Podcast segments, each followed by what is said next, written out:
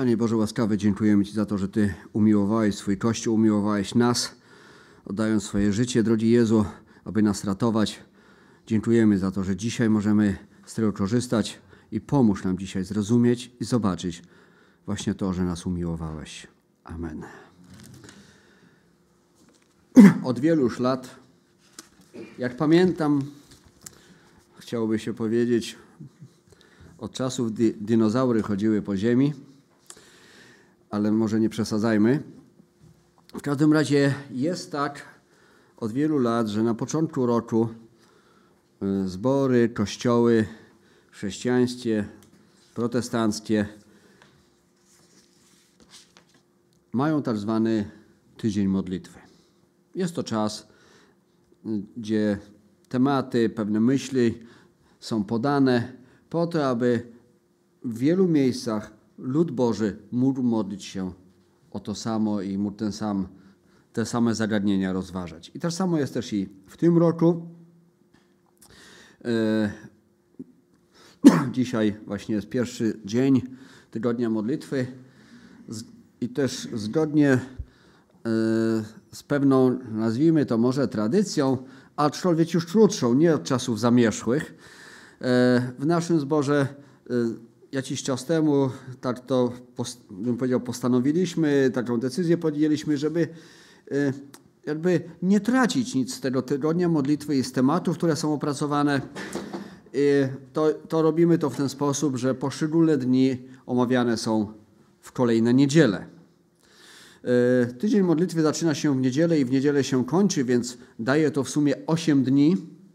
Więc E, włącznie z dzisiejszą niedzielą przez osiem kolejnych niedziel będziemy rozważali Boże Słowo, które jest też przygotowane na, na ten rok, na ten tydzień modlitwy w Kościele Ewangelicznych Chrześcijan. I wiecie, e, kiedy się tak przygotowywałem do tego e, pierwszego tematu, który mam przywilej dzisiaj przynajmniej spróbować omówić, to jakby skupiłem się na samym temacie, natomiast właściwie dopiero przed chwilą popatrzyłem na, na temat ogólny i doznałem swego rodzaju olśnienia. Wiecie, tematem ogólnym jest Chrystus umiłował Kościół. To jest myślą całego tygodnia.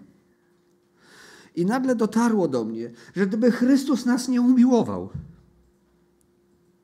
to gdzie byśmy byli? To, że z nami wytrzymuje, to, że się o nas troszczy, to, że wybacza na naszą głupotę nieraz, nasze błędy. Bez miłości nie byłoby szans.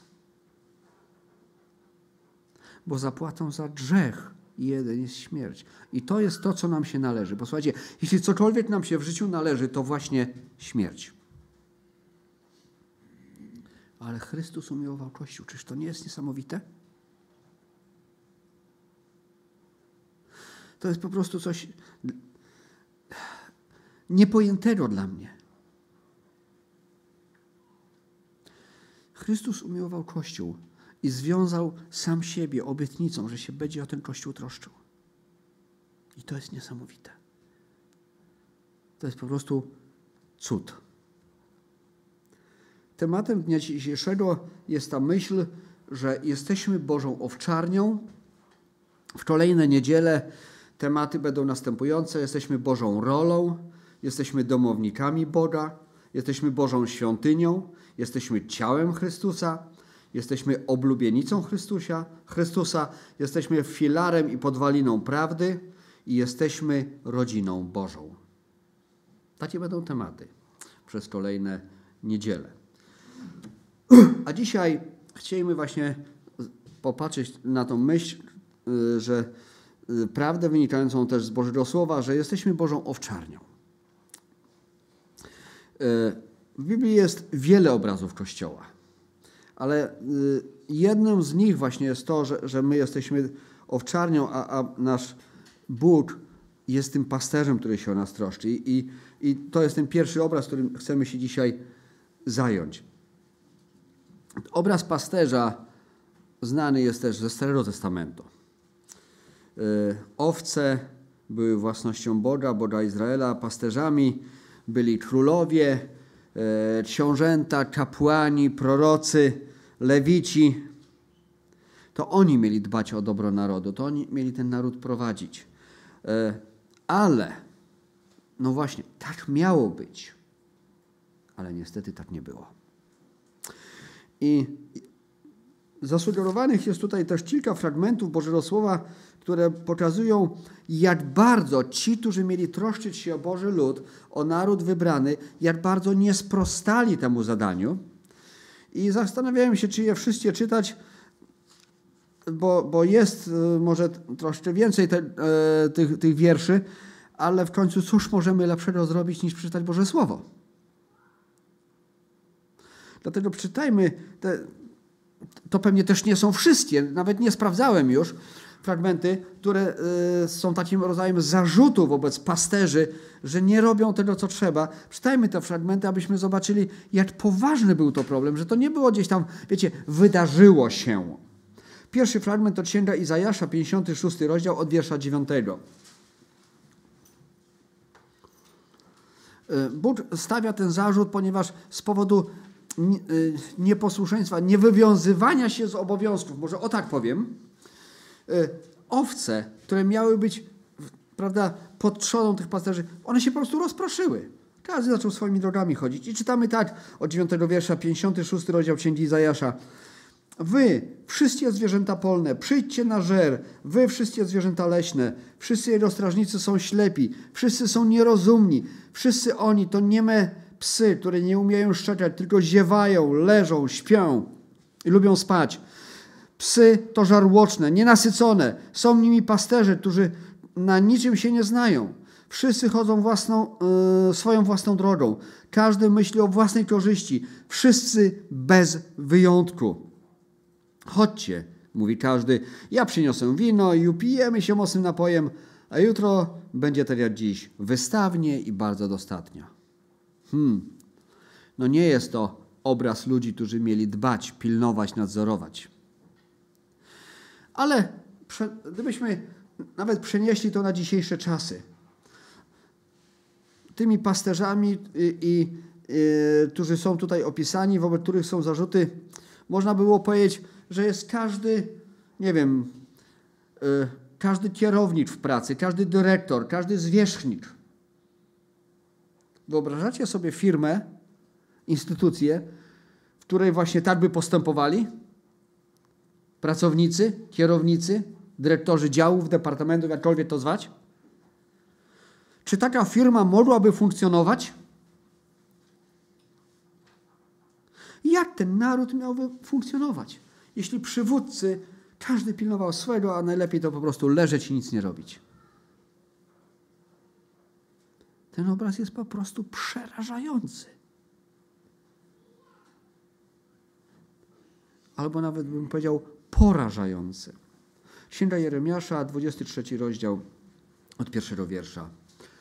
Biada pasterzom, którzy gubią i rozpraszają owce mojego pastwiska, mówi Pan.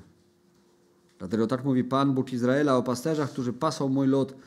To wy rozproszyliście moje owce i rozpędziliście je, a nie zatroszczyliście się o nie.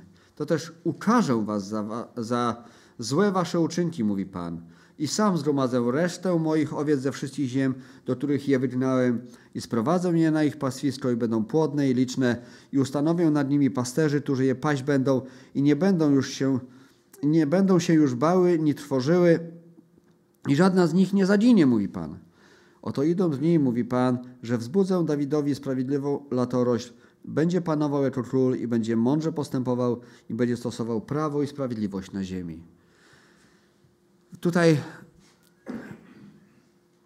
już wręcz jest dosłownie ta skarga, to wy rozproszyliście moje owce.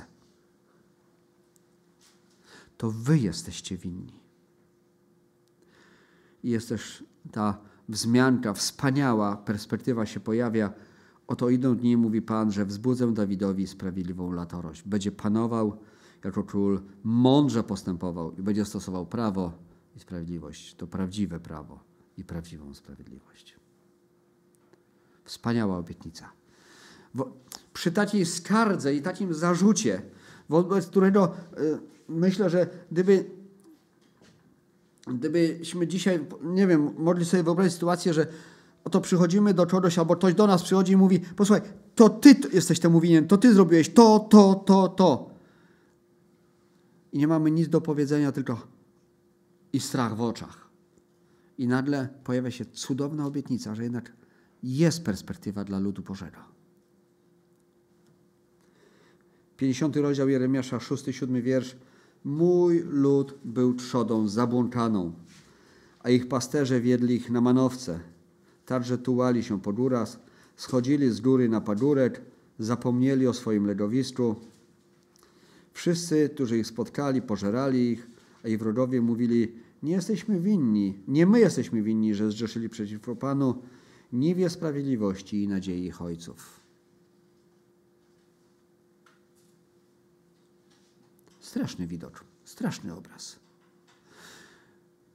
I cały czas pamiętajmy, że te słowa są skierowane do, do ludu wybranego. To nie jest pierwszy z brzegu naród, to nie jest pierwsza z brzegu zbieranina ludzi. To jest skierowane do ludzi, których Bóg szczególnie wybrał. I skierowane do ludzi, którzy o tych wybranych mieli się troszczyć. Dostali zaszczytne dzieło wielką odpowiedzialność.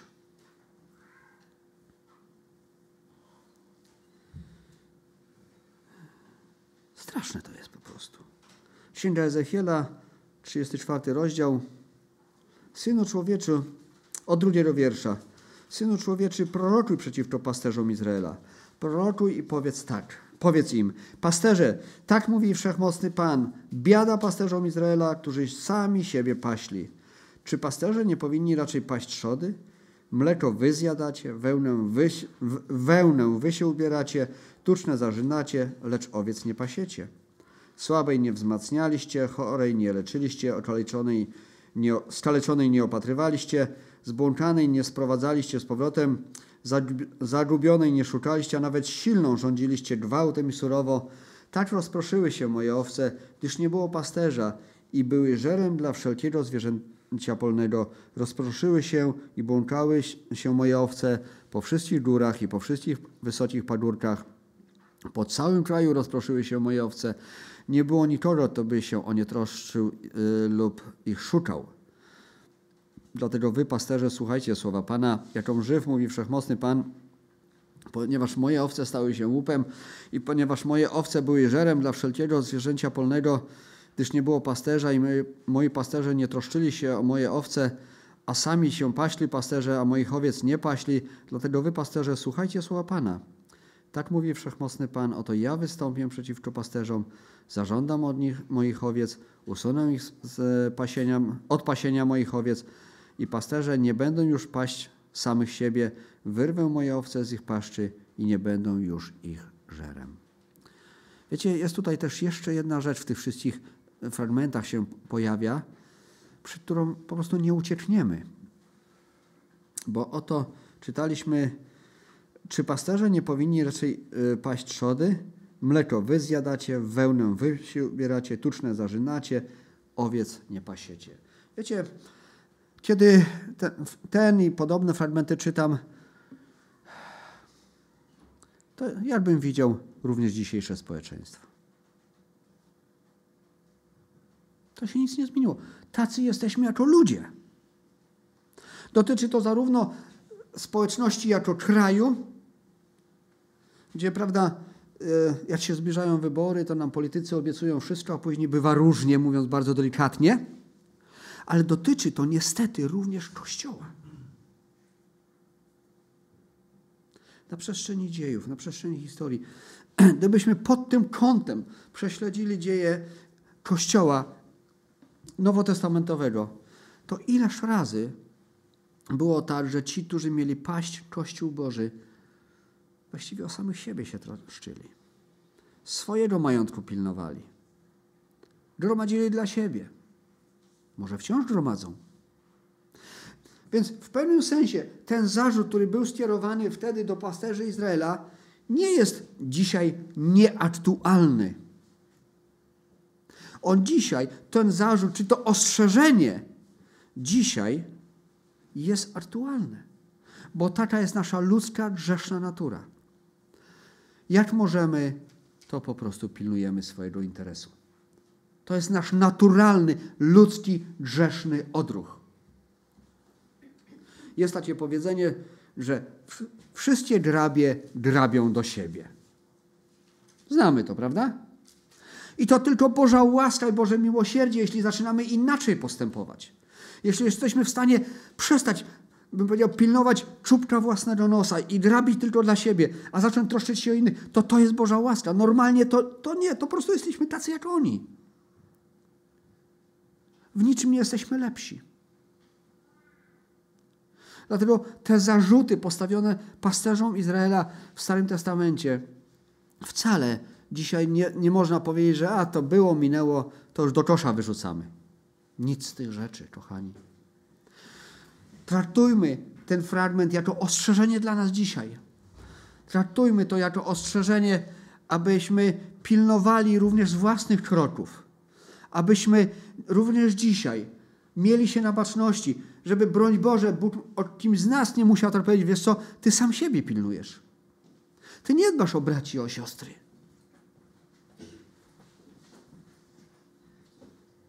Byłoby to straszne po prostu. Byłoby to straszne. Ewangelia Jana, 10 rozdział, pierwsze 16 wierszy. Czytamy tak. Zaprawdę, zaprawdę powiadam wam, kto nie wchodzi do, przez drzwi do owczarni, lecz w inny sposób się tam dostaje, ten jest złodziejem i zbójcą. To zaś wchodzi przez drzwi jest pasterzem owiec. Temu odźwierny otwiera i owce słuchają jego głosu i po imieniu woła owce swoje i wyprowadza je. Gdy wszystkie swoje wypuści, idzie za, przed nimi, owce zaś idą za nim, gdyż znają jego głos. Za obcym natomiast nie pójdą, lecz uciekną od niego, ponieważ nie znają głosu obcych. Tę przypowieść powiedział im Jezus, lecz oni nie zrozumieli tego, co im mówił. Wtedy Jezus znowu powiedział, zaprawdę, zaprawdę powiadam wam, ja jestem drzwiami dla owiec. Wszyscy, ilu przede mną przyszło, to złodzieje i zbójcy, lecz owce ich nie słuchały. Ja jestem drzwiami. Jeśli to przeze mnie wejdzie, zbawiony będzie i wejdzie i wyjdzie i pastwisko znajdzie. Złodziej przychodzi tylko po to, by kraść, zarzynać i wytracać. Ja przyszedłem, aby miały życie i obfitowały. Ja jestem dobry pasterz. Dobry pasterz życie swoje kładzie za owce. Najemnik, który nie jest pasterzem, do którego owce nie należą, widząc wilka nadchodzącego, porzuca owce i ucieka, a wilk porywa je i rozprasza. Ponieważ jest najemnikiem, i nie zależy mu na owcach. Ja jestem dobry pasterz i ja znam swoje owce i moje mnie znają, jak ojciec mnie zna i ja znam ojca i życie swoje kładę za owce. Mam i inne owce, które nie są w tej owczarni, e, również i te muszę przyprowadzić i głosu mojego słuchać będą i będzie jedna owczarnia, jeden pasterz. Posłuchajcie, czyż to nie jest piękny obraz? Teraz, kiedy zobaczyliśmy, jak niestety wyglądało to w praktyce, w życiu narodu izraelskiego, oto Pan Jezus podaje nam obraz, który jest po prostu, chciałby się powiedzieć, bajką. Oto jest pasterz, który się będzie troszczył, który nie będzie grabił do siebie, ale którego celem jest dobro tej owcy. To jest pasterz, który do własne życie oddać dla ratowania owiec. Jakaż różnica? Bo Dzisiaj, bym powiedział, z perspektywy czasu możemy to powiedzieć, bo już o tym wiemy, uczniowie jeszcze wówczas nie wiedzieli, że ten pasterz naprawdę swoje życie oddał za owce.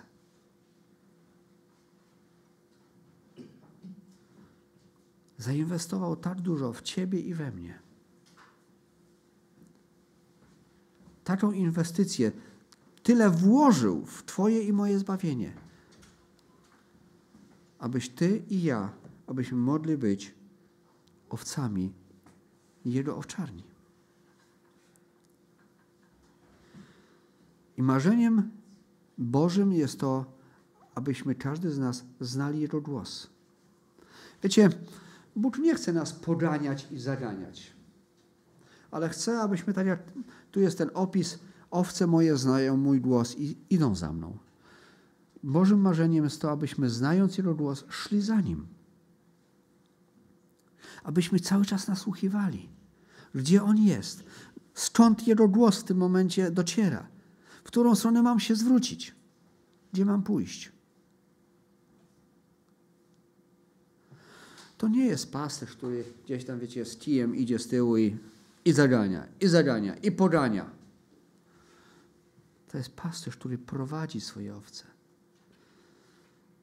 Problem czasami polega na tym, że zajęci codziennością naszą nie słyszymy tego głosu, nie słuchamy i nie wiemy, gdzie iść. Idziemy nie tam, gdzie trzeba. I wtedy są problemy. Mojżesz jest bardzo ciekawą postacią, bardzo ważną w ogóle dla narodu izraelskiego i dla nas dzisiaj, ale rozumiał potrzebę po, po 40 latach prowadzenia narodu izraelskiego przez pustynię, kiedy widział, że jego życie już y, się kończy, jego służba dobiera końca, rozumiał, że potrzebny jest ktoś, kto będzie ten naród prowadził dalej. Dlatego w 4 Mojżeszowej, 27 rozdziale, wiersze 15 do początku, właściwie tylko 18, Mojżesz modli się do Boga i mówi tak, tak czytamy.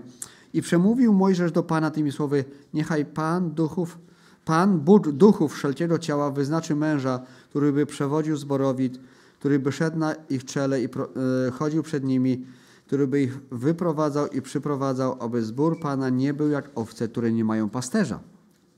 I rzekł Pan do Mojżesza, weź Jozłego syna Nuna. Właściwie dotąd. Mojżesz rozumiał potrzebę tego, że naród potrzebuje liderów, przywódców. I, i Bóg, właściwie powiem tak, odpowiedź Boga potwierdza, że jest to potrzebne. Bóg mówi, weź złego syna Nuna.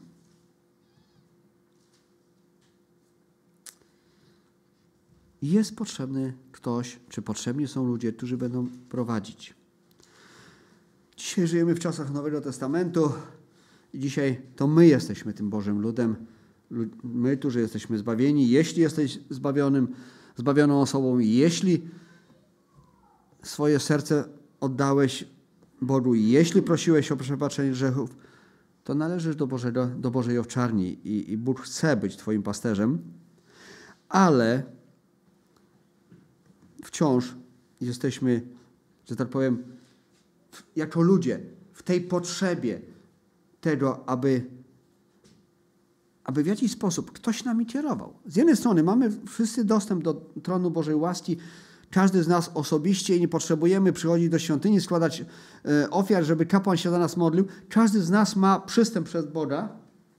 Każdy, e, i Bóg działa w sercach e, nas wszystkich, każdego z nas, ale jednak, kiedy patrzymy na, na Kościół Nowotestamentowy, to Paweł wyznacza starszych. Paweł mówi do Tymoteusza: Zostawiłem cię po to, abyś wyznaczył starszych, abyś wyznaczył tych, którzy będą prowadzili, przewodzili w pewien sposób Bożemu Kościołowi.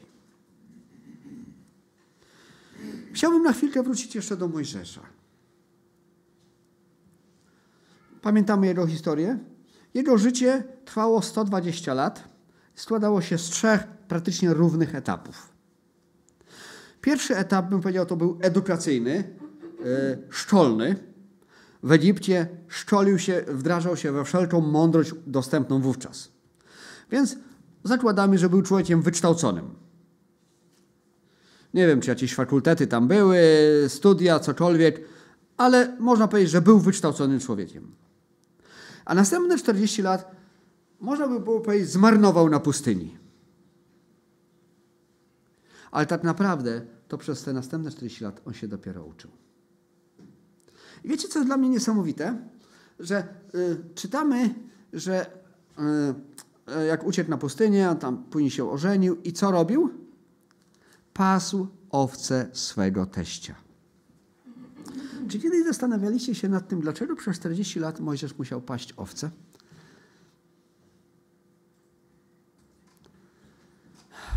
Wiecie, bo my jesteśmy tak do tych owiec podobni. I tam dopiero Mojżesz dostał szkołę cierpliwości, żeby sobie z tymi owcami poradzić. Ja sobie e, tak e, spróbowałem tutaj, e, mam wypisanych parę cech owiec. Tro, to, trochę takich informacji o owcach. Nie wiem na ile wy co wiecie o owcach, czego nie wiecie, ale pozwolę sobie tutaj parę takich rzeczy, informacji przeczytać. Owca to zwierzę stadne. To jest przede wszystkim, to jest najważniejsze. Co to oznacza? Że jedna owca zazwyczaj będzie chciała iść obok drugiej albo iść do drugiej, być w pobliżu drugiej owcy. Owce nie lubią być same. Jedna owca, jedna grupa owiec będzie chciała się przyłączyć do drugiej grupy owiec. W myśl zasady, że im więcej, tym lepiej, w grupie raźniej. Oddzielona owca będzie robiła wszystko, żeby powrócić do stada. Jeśli jedna owca ruszy gdzieś, to inne owce zazwyczaj pójdą za nią. Owce pozostają w kontakcie wzrokowym z resztą stada. Popatrzmy teraz na siebie przez chwilę. Czy nie jest tak, że potrzebujemy towarzystwa innych ludzi? Jeśli ktoś cały czas jest na uboczu, nie chce mieć z nikim kontaktu, to w zasadzie, po, w zasadzie jest to nienormalne w pewien sposób. Nie, nie jest to norma. Potrzebujemy kontaktu z innymi ludźmi w naszym codziennym życiu. Potrzebujemy kontaktu z innymi ludźmi również w naszym duchowym życiu. Wiecie, to, co tu o tych owcach y, jeszcze też y, powiedziałem i powiem, z jednej strony jest piękne, a z drugiej strony aż się przeraziłem. Bo tak, potrzebujemy kontaktu i z jednej strony szukamy tego kontaktu, żeby mieć wsparcie, ale z drugiej strony, jeśli dołączamy do grupy, to stajemy się, mam nadzieję, wsparciem dla członków te, y, tej społeczności. I takie jest działanie owiec, taka jest, taki jest powiedzmy odruch owiec. One są razem, szukają tego bycia razem po to, żeby się wspierać, żeby się nie bać. Ale, uwaga, jeśli jedna owca ruszy w jakimś kierunku, to pozostałe z reguły idą za nią. I to jest wielkie niebezpieczeństwo. Dlatego każda owca, każdy z nas ma niesamowitą odpowiedzialność. To nie jest Twoja sprawa, co Ty robisz. Bo jeśli Ty zaczniesz iść w niewłaściwą stronę, to jest duże ryzyko, że za Tobą zaczną iść też inne owce. Staniesz się złym przykładem. Zaczniesz swoim życiem, swoim przykładem niejako pociągać innych w niewłaściwą stronę. Popatrzcie, jak wielką odpowiedzialność ma każdy z nas.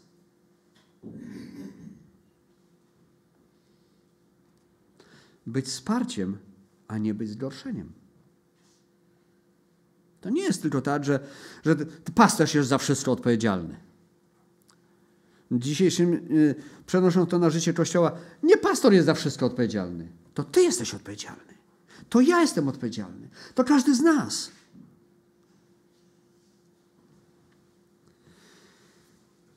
Stadność owiec oznacza również, że w obecności pewnych czynników, na przykład niebezpieczeństwa, zbliżają się i bardziej skupiają się w grupę. Co z tego wynika? Że jeżeli mamy widok owiec, które gdzieś tam na pastwisku są, tak wiecie, luźno rozproszone, znaczy, że czują się bardzo bezpieczne. Natomiast jeśli, jeśli się zbijają w grupkę, to jest pewne zagrożenie. I jest to również w naszym życiu widoczne. Bo kiedy nam wszystko jest cacy, że tak powiem, to może mamy taką tendencję prawda, do radzenia sobie sami, że, że, że jakby mniej potrzebujemy społeczności. Ale kiedy pojawiają się jakieś problemy, to potrzebujemy siebie nawzajem.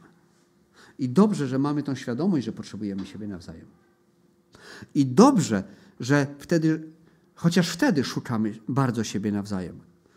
Po to, aby mieć wsparcie, aby się modlić o siebie.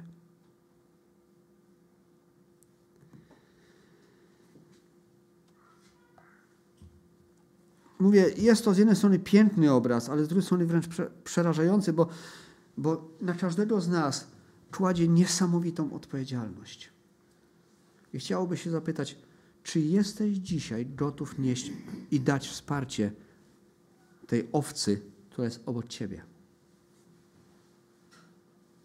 Czy jeśli masz trudną sytuację i potrzebę, czy wiesz, gdzie to wsparcie znajdziesz? Czy szukasz w ogóle tego stada? Czy zależy ci na, na społeczności? Jeśli nie, to może nie jesteś owcą.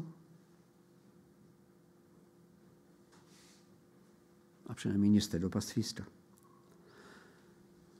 Jest to niesamowite, że Bóg używa przykładu owca, pasterz, czy owce i pasterz, aby mówić o Kościele, o swoim ludzie. Bo my potrzebujemy siebie nawzajem. My potrzebujemy pasterza, którym jest przede wszystkim Pan Jezus Chrystus. Ale potrzebujemy siebie nawzajem i, i, i też w, każdej, w każdej grupie jest y, jakiś rodzaj kierownictwa, przywództwa, jakkolwiek byśmy to nazwali które z jednej strony jest jakby no, siłą rzeczy ma większą odpowiedzialność, ale z drugiej strony bym powiedział, z perspektywy stada patrząc, mamy też od, jakby odpowiedzialność wsparcia, zachęty, ale też poddania czy posłuszeństwa. Jakkolwiek to ładnie lub nieładnie brzmi. Kiedy apostoł Paweł wiedział, że już nie spotka się więcej ze starszymi kościoła w Efezie, zaprosił czy wezwał ich do siebie, aby się z nimi ostatni raz spotkać, to powiedział bardzo ciekawe słowa, które wcale nie, nie, nie niwelują, a wręcz jeszcze umacniają i cementują tę relację właśnie pasterz-owca. Bo w dziejach apostolskich w 20 rozdziale, 28 wierszu czytamy tak. Miejcie pieczę o siebie samych i o całą trzodę wśród której was Duch Święty ustanowił biskupami, abyście paśli zbór pański, czy też jak niektóre tłumaczą, y, zbór Boży, zbór nabyty Jego własną krwią. Ta potrzeba opieki, prowadzenia, przywództwa wciąż istnieje.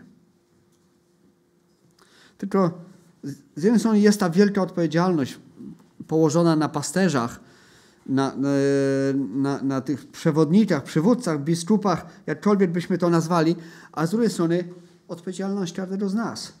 Czy ja będę chciał słuchać? Czy ja będę chciał korzystać? Czy będę taką krnąbrną, upartą owcą? Owce mają też to do siebie, tutaj akurat e, w, tej, w tych informacjach, które szukałem, tego nie było, ale to jakby z innych źródeł wiem, że znajdzie się w problemie, jakimś niebezpieczeństwie, to sama totalnie sobie już nie poradzi. To jest w pewnym sensie bezradne stworzenie. Bezradne. Zdejmuje ją strach, zaciska. Koniec. Właściwie totalnie bezradne. Dlatego tak bardzo potrzebujemy siebie nawzajem. Tak bardzo potrzebujemy troszczyć się o siebie nawzajem. Do Tytusa Paweł napisał tak w, siódmym, w pierwszym rozdziale od 7 do 9 wiersza.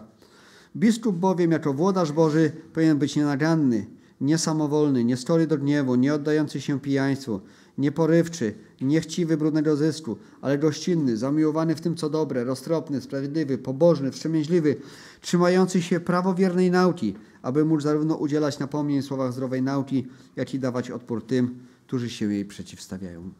Bardzo wysokie wymagania wobec tych, którzy mają trzodę paść. Niemniej jest tutaj taka, taki zwrot, czy taka forma, która e, sugeruje, że właściwie te cechy powinny dotyczyć nas wszystkich. Bo tu jest napisane, biskup jako włodarz Boży powinien być, E, ok, ale nie jest napisane, że ma się stać taki. To znaczy, on ma już być. W drugim fragmencie, gdzie jest też e, lista wymieniona, e, wymieniona jest, wymienione są cechy czy, czy kwalifikacje tych, którzy mają zbór Boży prowadzić, jest też, jest też ta, właściwie z gramatyki wynika, że człowiek, który tą funkcję pełni, czy ma pełnić, on już ma taki być. To nie to, jak będziesz biskupem, jak zostaniesz biskupem, to wtedy bądź. Więc pytanie jest, kiedy ma się zacząć budowanie tych cech, które, które czytaliśmy? No już, w każdym z nas. No dobrze, kobiety mogłyby powiedzieć, ale zgodnie z Bożym Słowem ja nigdy pastorem nie będę, więc mnie to nie dotyczy. No oczywiście, że tak można powiedzieć. Wiele rzeczy można powiedzieć. Ale wymagania Bożego Słowa czy oczekiwania Boże są jasne dla wszystkich. Dlatego to każdy z nas powinien być, yy, powinniśmy być w naszym życiu nienaganni wobec yy, innych i wobec Boga, niesamowolni, nieskorzy do gniewu, nie oddający się pijaństwu, nieporywczy, niechciwi brudnego zysku. Mamy być gościnni, zamiłowani w tym, co dobre, roztropni, sprawiedliwi, pobożni, wstrzemięźliwi. Trzyma, mamy się trzymać prawowiernej nauki. I jeśli każdy z nas będzie do tego dążył, to wtedy będziemy tymi owcami, które będą się nawzajem mogły wspierać. To wtedy każdy z nas będzie też tą częścią tej Bożej owczarni, do której ktoś inny będzie mógł przyjść i, i, będzie, i będzie mógł z tą ufnością, z pewnością, że, że oto jest mój brat czy siostra, na którym mogę polegać. Bo dla siebie nawzajem mamy być też wsparciem. To nie jest tak, że jedna osoba wszystko ma zrobić. To nie jest tak, że jedna osoba, czy dwie osoby, czy trzy, pastor, starsi, rada zboru, jakkolwiek byśmy nazwali no, formalną grupę. To nie jest tak, że, że oni za wszystko głową odpowiadają. Tak, odpowiadają przed Bogiem przede wszystkim, przed ludźmi, może w większym stopniu, ale każdy z nas ma dążyć do tych cech w swoim życiu.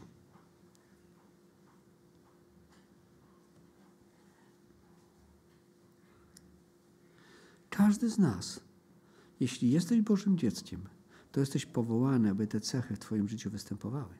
A jeśli Bóg uzna za właściwe, to spośród tych, którzy mają te cechy, będzie powoływał do takiej czy innej służby, do takiego czy innego dzieła. A najpierw są te cechy, a później jest służba. W każdym razie jest potrzebne są potrzebne dwie rzeczy. Z jednej strony potrzebne jest to przywództwo, ale z drugiej strony w każdym z nas potrzebna jest ta, to pragnienie i chęć dążenia do prawdziwej społeczności z Bogiem. Bo jeśli w moim życiu nie będzie tych cech i powiem tak, na, nawet najbardziej bo, Boży i pobożny sługa przyjdzie i powie mi, posłuchaj, ty zrobiłeś źle, bo, bo jest tak i tak, bo tego nie powinieneś robić, tego nie powinieneś robić, to jedyne jedyna moja reakcja prawdopodobnie to będzie obraza. Jak ty mi możesz cokolwiek mówić?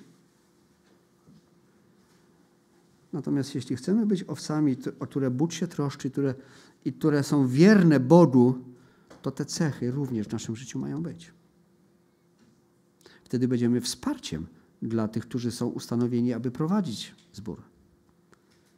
I życie wszystkich będzie po prostu łatwiejsze. Najzwyczajniej w świecie.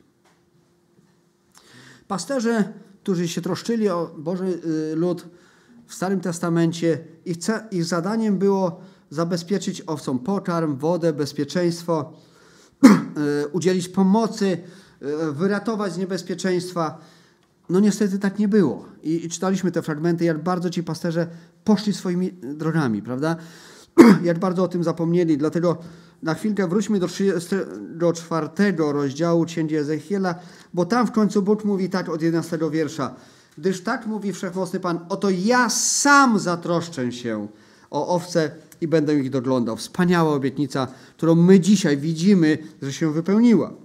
Jak pasterz troszczy się o swoją trzodę, gdy jest pośród swoich rozproszonych owiec, tak ja zatroszczę się o moje owce. Wyratuję je z wszystkich miejsc, dokąd zostały rozproszone w dniu chmurnym i mrocznym.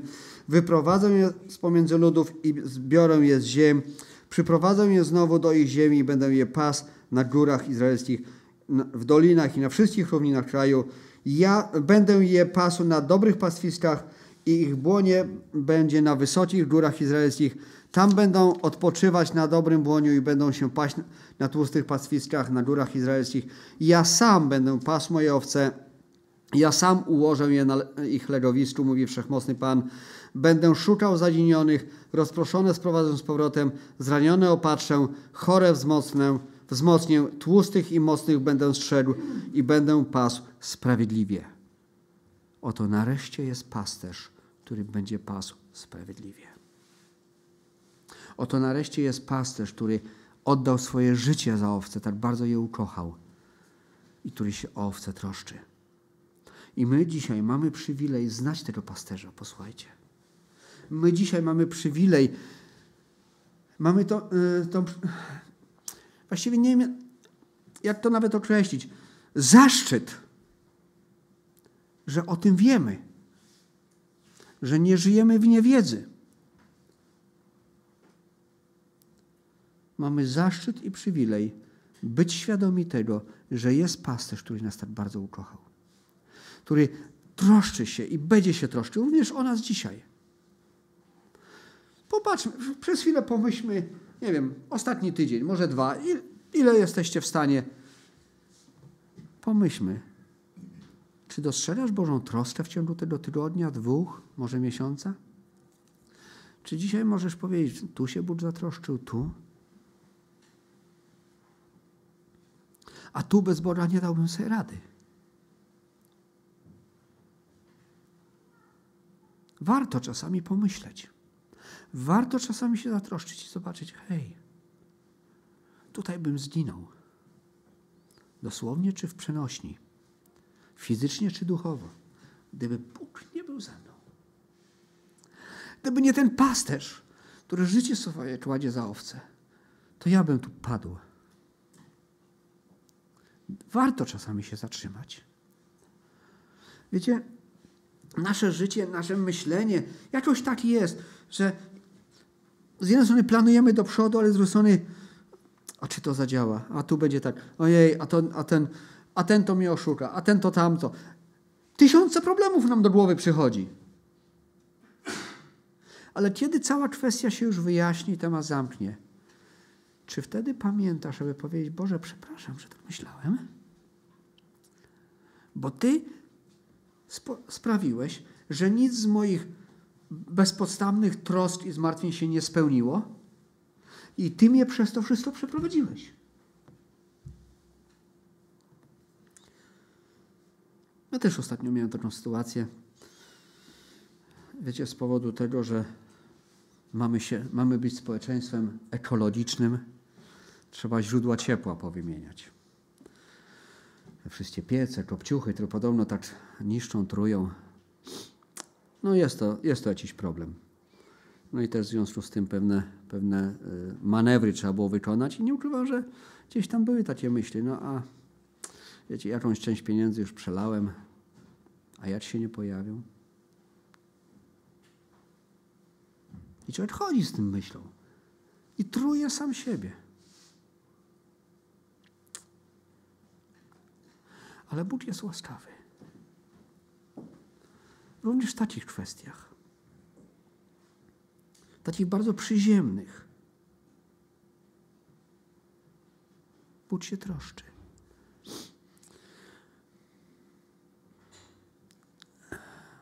Dusz pasterze w kościele, ich zadaniem jest troska. No może nie po to, niekoniecznie zaraz, żeby rachunki za kogoś płacić, ale troska o to życie duchowe. Tylko tak jak powiedziałem, o ileż łatwiej jest wspierać i troszczyć się o ludzi, którzy sami też chcą społeczności z Bogiem.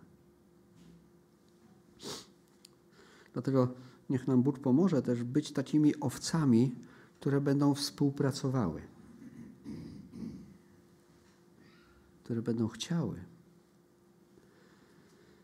e, ci, którzy są postawieni, powołani, aby zbór, kościół prowadzić, mają paść, mają troszczyć się o, o całą trzodę. Jest też ciekawa myśl, najpierw o siebie, a następnie o całą trzodę. Najpierw sami muszą być we właściwej społeczności z Bogiem. Sami duchowo muszą mieć relację z Bogiem uregulowaną, żeby móc troszczyć się o innych. Bo jak Pan Jezus mówi, ślepy ślepego jak prowadzi, to co się stanie? Obaj do dołu wpadną, prawda? Dlatego pamiętając, że jesteśmy owcami Bożej owczarni, dążmy do tego, aby się przede wszystkim temu naszemu niebiańskiemu pasterzowi y, być wierni i jemu się podobać, ale pamiętajmy też o tych, którzy mają też tą odpowiedzialność i, i, i ciężar, aby troszczyć się o Kościół, o zbór, o lokalną społeczność, jak, w jakiejkolwiek formie, strukturze by to nie funkcjonowało, bo jest to odpowiedzialność wielka. Tematy do modlitwy, które są tu podane. Dziękujmy, że Pan Jezus e, sam jest pasterzem swojego ludu, ale dał także swojemu ludowi przełożonych, starszych diakonów, aby troszczyli się o dobro wierzących. E, ja tu może tylko jedną rzecz jeszcze dodam. E, jako zbór, społeczność, kościół, e, ci, którzy dany zbór czy dany kościół prowadzą, mają właśnie też tę odpowiedzialność, przywilej, ale też wielką odpowiedzialność, aby troszczyć się też i o, a może przede wszystkim, właściwie jedno z drugiego wynika, to nawet nie da się rozdzielić, o naukę danego zboru, kościoła, społeczności. Gdybyśmy każdy funkcjonowali oddzielnie, każdy w swoim domu, a czasami spotkałem takich ludzi, którzy stwierdzili, że on kościoła, zboru nie potrzebuje, on się w domu może modlić i w domu może Biblię sobie czytać.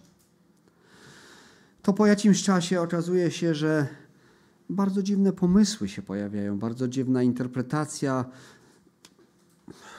Właściwie wszystkiego się można spodziewać. Dlatego też potrzebujemy społeczności, potrzebujemy takiej kontroli, weryfikacji, abyśmy też trzymali się Bożego Słowa i, i, i to jest też troska tych, którzy są przełożonymi, starszymi, diakonami, właśnie też troska o, o Boży Kościół. Wyznajemy, że w naszych wspólnotach zbyt, e, często zbyt mało troszczymy się o słabych, poranionych, pogubionych, potrzebujących. Modlimy się o naszych przełożonych, starszych diakonów, współpracowników i pracowników wśród dzieci i młodzieży. Prosimy, czy prośmy także o nowe powołania do służby. I teraz chciałbym e, poprosić o wyświetlenie planszy. Tak, jest taka opcja. Jest są też już tak bardziej sprecyzowane e, tematy do modlitwy i proponuję, abyśmy też po, po kiedy ja tutaj to wszystko też chociaż trochę omówię, e, ta plansza zostanie wyświetlona i powstaniemy, aby się modlić. Myślę, że dobrą rzeczą, jeśli ktoś ma trochę słabszą pamięć, tak jak ja na przykład, żeby czasami nawet popatrzeć i modlić się. Tak więc módlmy się o naszą ziemską ojczyznę, o rozwiązanie problemów na wschodniej granicy naszego kraju. Ten temat troszkę ostatnio ucichł, ale, ale e, o władze państwowe, Sejm, Senat, Radę Ministrów, sądownictwo, o mądrość i prawość w decyzjach, o postępowanie, o łaskę zbawienia dla tych ludzi. Bo jak poznają Boga, to wiele problemów przestanie istnieć. Prawda? Od tego się wszystko zaczyna. Módlmy się o zbory w okręgu centralnego Kościoła Ewangelicznych Chrześcijan. I tu na początku jest ten, chciałoby się powiedzieć, najważniejszy zbór, oczywiście żartuję, w Grodzisku Mazowieckim. Pierwszy zbór w Łodzi, zbór Solideo Gloria w Łodzi, zbór Woda Życia również w Łodzi, zbór w Piotrkowie Trybunalskim, w Turku i w Warszawie. I sprawy naszego zboru o błogosławieństwo dla osób rozpoczynających naukę na szkole misyjnej w Ruptawie. Taką sugestię, czy tam podpowiedź dostałem, bo, ale posłuchajcie, w tym punkcie właściwie to, co tutaj dopiszemy, to od każdego z Was zależy. Każdy z nas, myślę i mam nadzieję, że widzi jakieś potrzeby też naszej społeczności. Dlatego śmiało, naprawdę śmiało możemy do tej listy dodawać i modlić się. Powstańmy.